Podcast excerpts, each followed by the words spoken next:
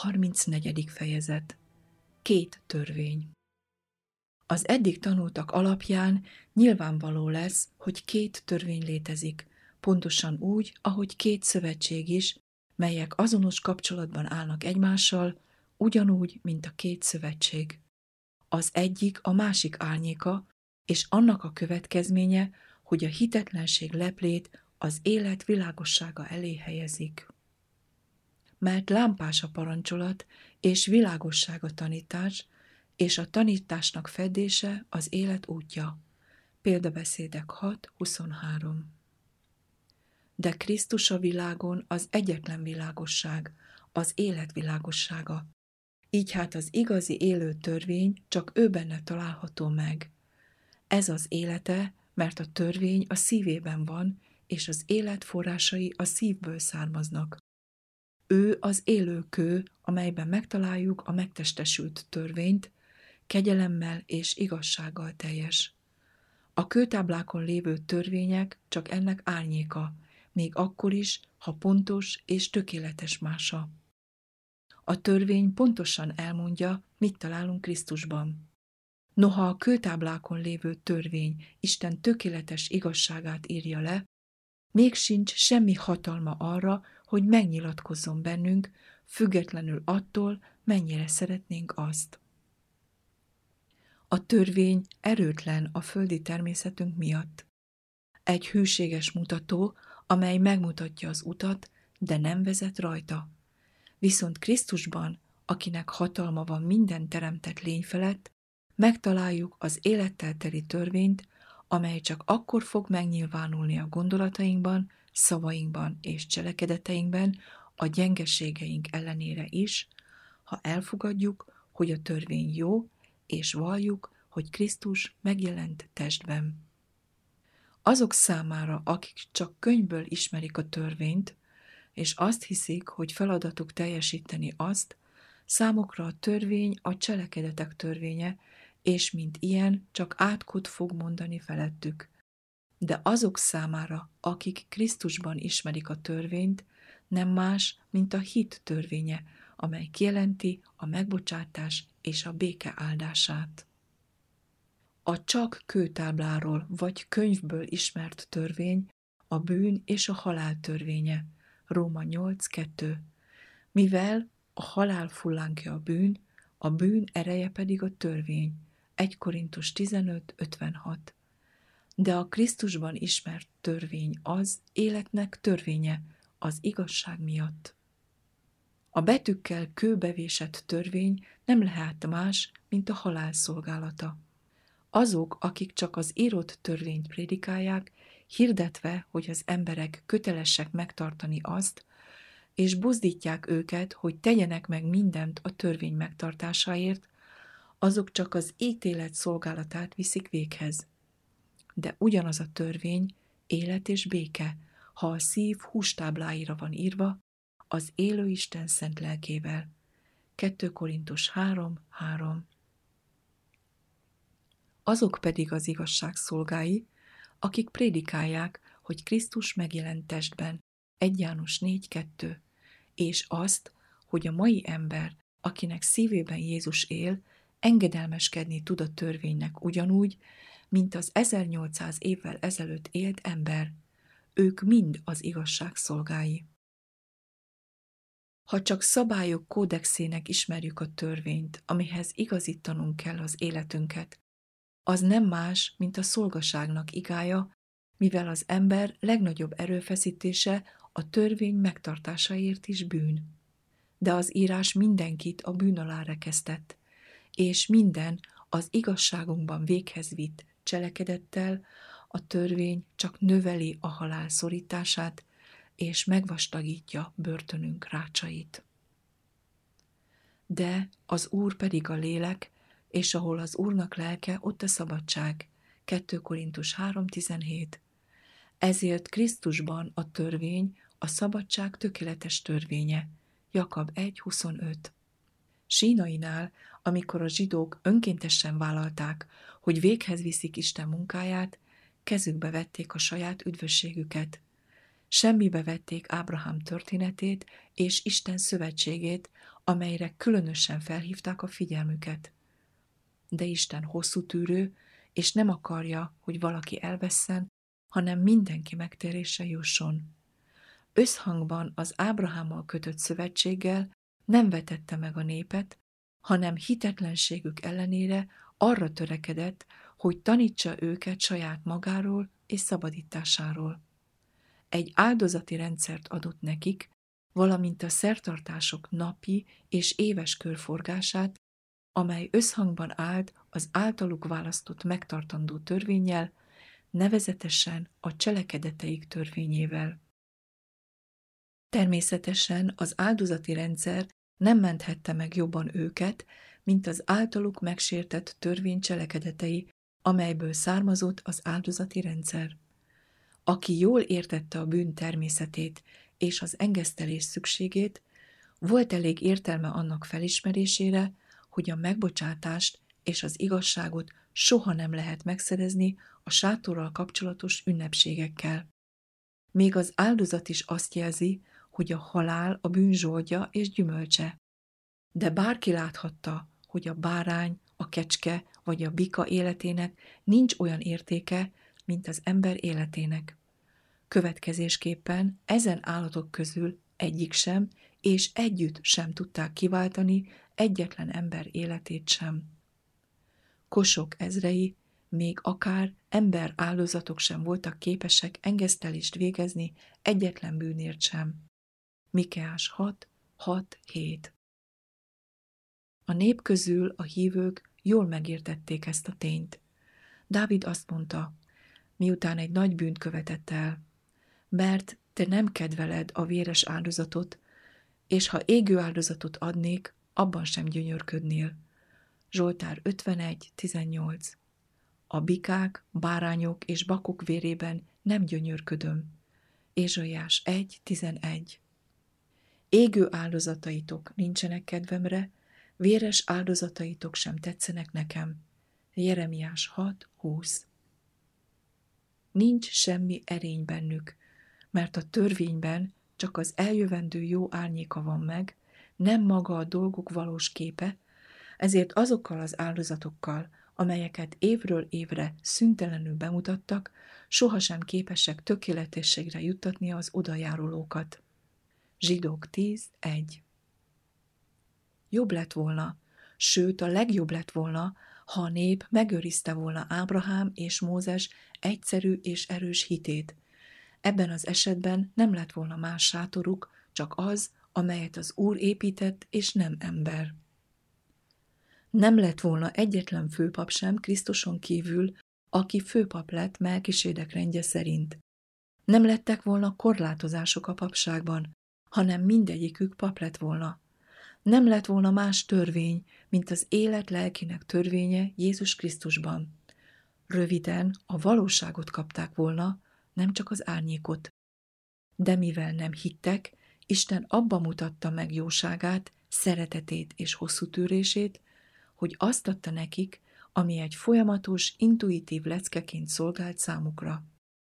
A cselekedetek törvénye, erőtlensége és haszontalansága, zsidók 7.18, mindig nyilvánvaló volt mindazok számára, akik erre gondoltak. Amikor az emberek lelke felébredt, az a törvény, amelynek egyetlen haszna a meggyőzés, és egyetlen hatalma halál volt, most már Krisztushoz vezette őket, aki magába zárta mindannyiukat, hogy szabadságot és életet találjanak. Azok számára nyilvánvaló volt, hogy Krisztusban és csak ő benne találhatnak üdvösséget. Az igazság, ahogy Krisztusban van, nem más, mint a megszentelő igazság. Hogyan kapjuk a megbocsátást?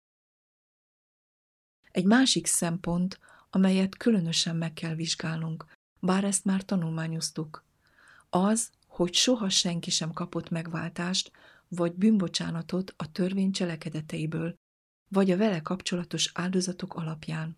Sőt, Isten sohasem magyarázta népének, hogy a törvény meg fogja menteni őket, és senki, aki igazán hit Istenben, nem gondolta valaha, hogy ez lehetséges.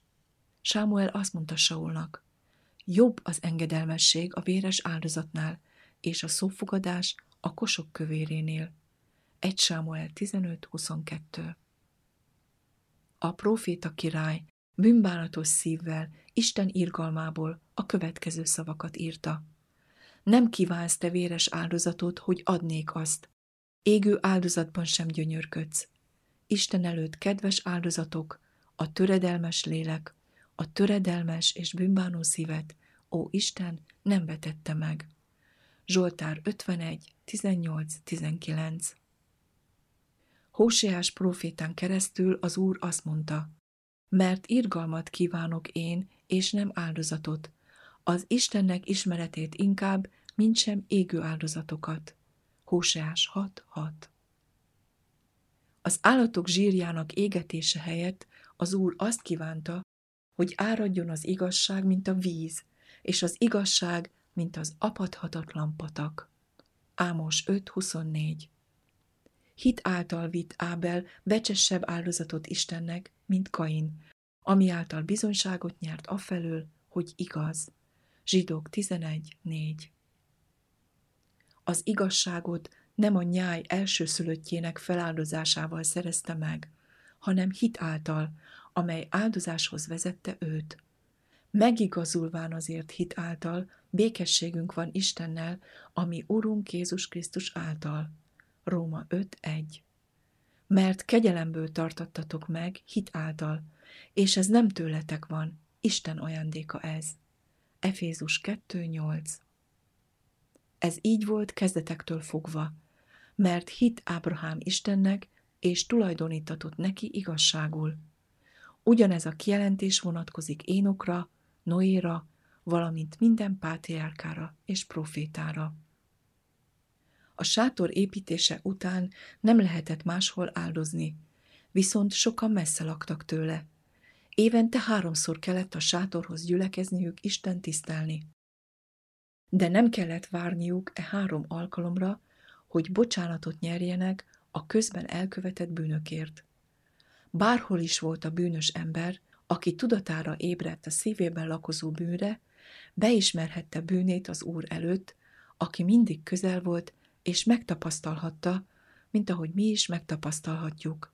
Ha megvalljuk bűneinket, hű és igaz, hogy megbocsássa bűneinket, és megtisztítson minket minden hamisságtól. 1 János 1.9 Ezt a tényt Dávid esete is bizonyítja, amikor Isten profétája megfette bűnéért. Dávid azt mondta, védkeztem az Úr ellen, és azonnal jött a biztosíték. Az Úr elvette a te bűnödet. 2 Sámuel 12.13 A megbocsátás után a megtért és a bocsánatot nyert lelke tudta hozni az igazságnak áldozatát. Zsoltán 4, 6, 51, 19 melyek kedvesek az Úr előtt. Csak ezután voltak kedvesek az Úr előtt a teljes égő áldozatok és a többi áldozat. Miért?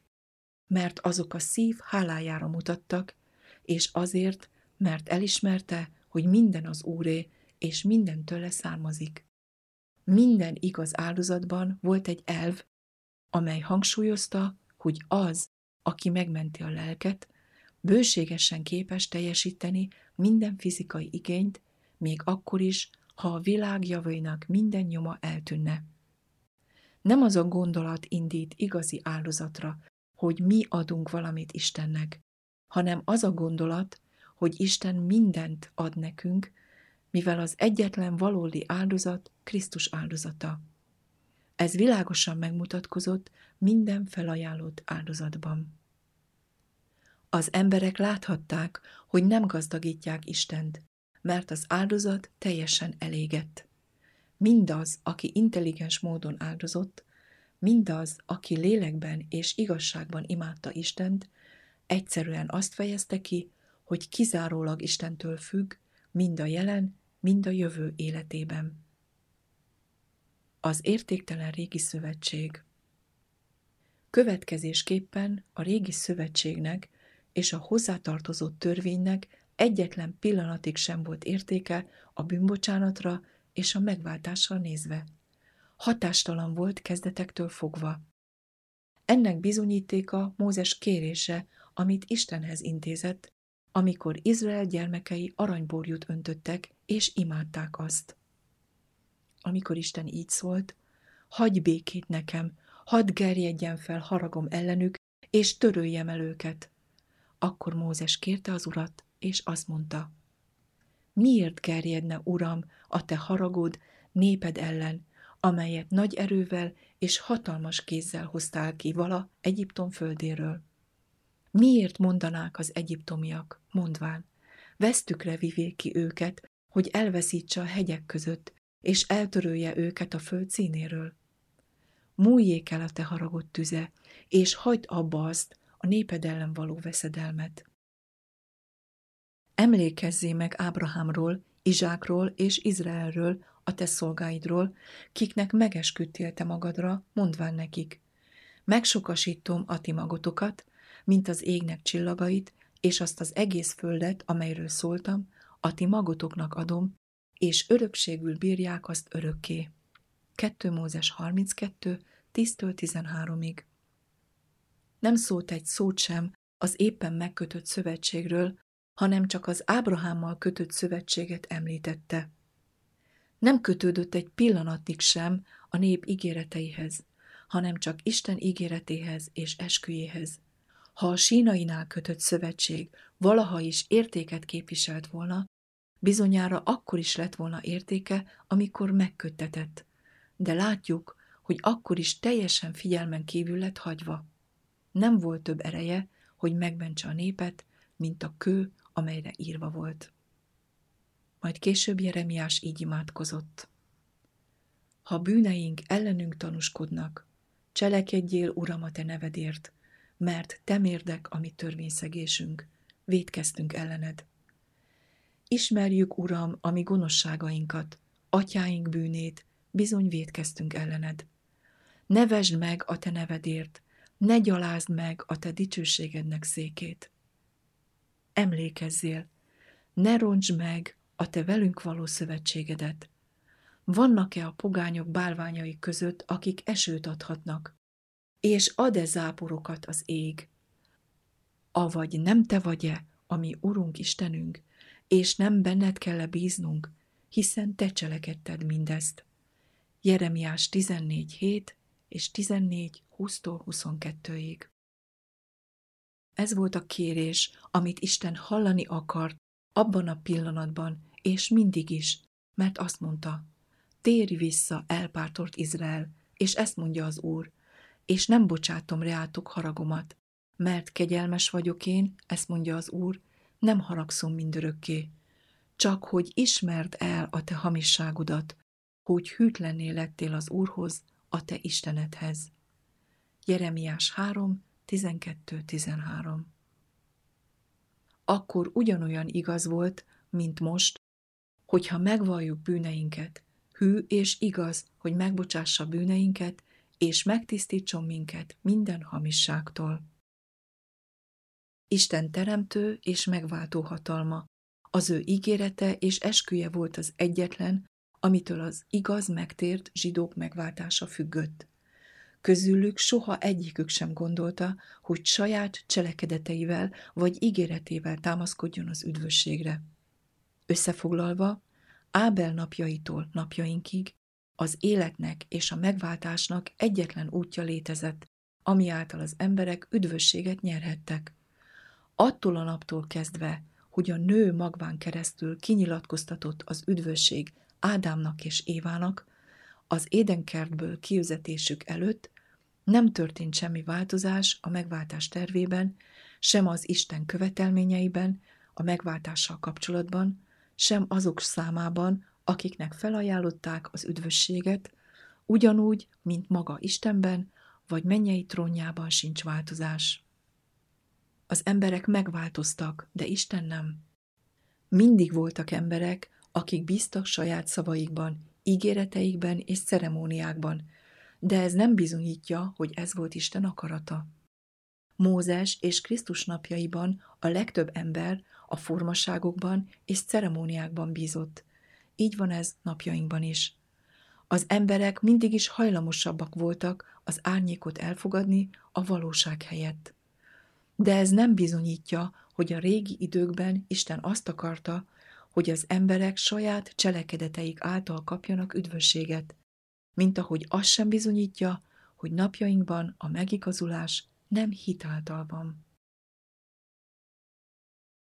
A túlbuzgóság cselekedetei Az emberek között mindig is létezett egy törekvés, hogy megsokasítsák a ritusokat és a ceremóniákat.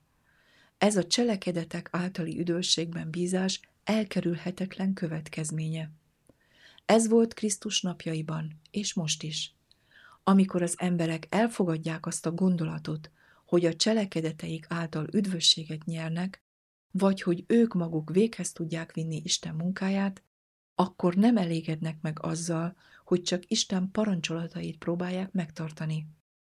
Ezért emberi parancsolatokat tanítanak, folyamatosan kiegészítve azokat, amíg az emberek már fel sem tudják sorolni a megkövetelt jó cselekedeteket, még kevésbé megcselekedni azokat. Az iga, amely kezdetektől fogva fájdalmas és elviselhetetlen, egyre nehezebbé válik, amíg a vallás árucik lesz, és az emberek pénzzel vagy más valamivel megveszik az árut, hogy véghez vigyék a rájuk kényszerített jó cselekedeteket. Az emberi parancsolatok végrehajtásának teljesítésénél még inkább lehetetlen, hogy az emberek teljesítsék Isten parancsolatait saját erőfeszítéseik által, hamarosan Isten törvényét elveszik szemük elől, és értéktelenebb lesz az emberi parancsolatoknál. Mindez csak azt a természetes és elkerülhetetlen tendenciát képviseli, amely abból a kudaszból származik, hogy nem látják Krisztust Mózes írásaiban, és nem értik, hogy Isten éppen a szertartás ürességen keresztül szándékozik megmutatni az embereknek az abszolút szükségüket, hogy csak Krisztustól függjenek, aki az egyetlen valóság. Egy hasonlóság értelme. Még valami az árnyékról és a valóságról.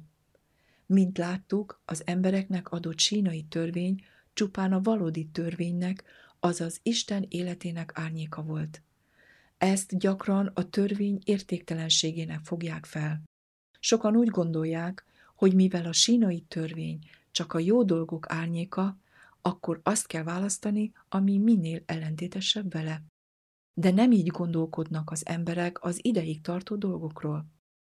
Ha van egy fényképünk, egy árnyék, egy emberről, akit meg akarunk találni, nem állunk meg egy olyan ember előtt, aki nem hasonlít hozzá, kijelentve ez az az ember. Nem, megtaláljuk azt az embert, akire a kép pontosan illik, és akkor tudjuk, hogy megtaláltuk, akit kerestünk. Tehát az igazi törvény Isten élete, és Izrael gyermekeinek adott törvény, a jó dolgok árnyéka, Isten jellemének a fényképe. Az egyetlen ember az egész világon, aki minden vonásában megtalálható a fénykép sajátos jellemzőiben, az ember Jézus Krisztus, akinek szívében a törvény van. Ő a láthatatlan Isten élő képe, az élőkő. Hit által hozzájárulva mi is élő kövekké válhatunk. Szívünkben ugyanaz a törvény van beírva, mert az ő lelke ugyanolyan élő képpé változtat minket, és a sínai törvény kőtáblái tanúja lesz, hogy a hasonlóság tökéletes. De ha eltérést mutat a tökéletes képtől, a hasonlóság hiánya azt mutatja, hogy nem vagyunk Isten valódi családjából valók. De Present Truth, 1896. december 24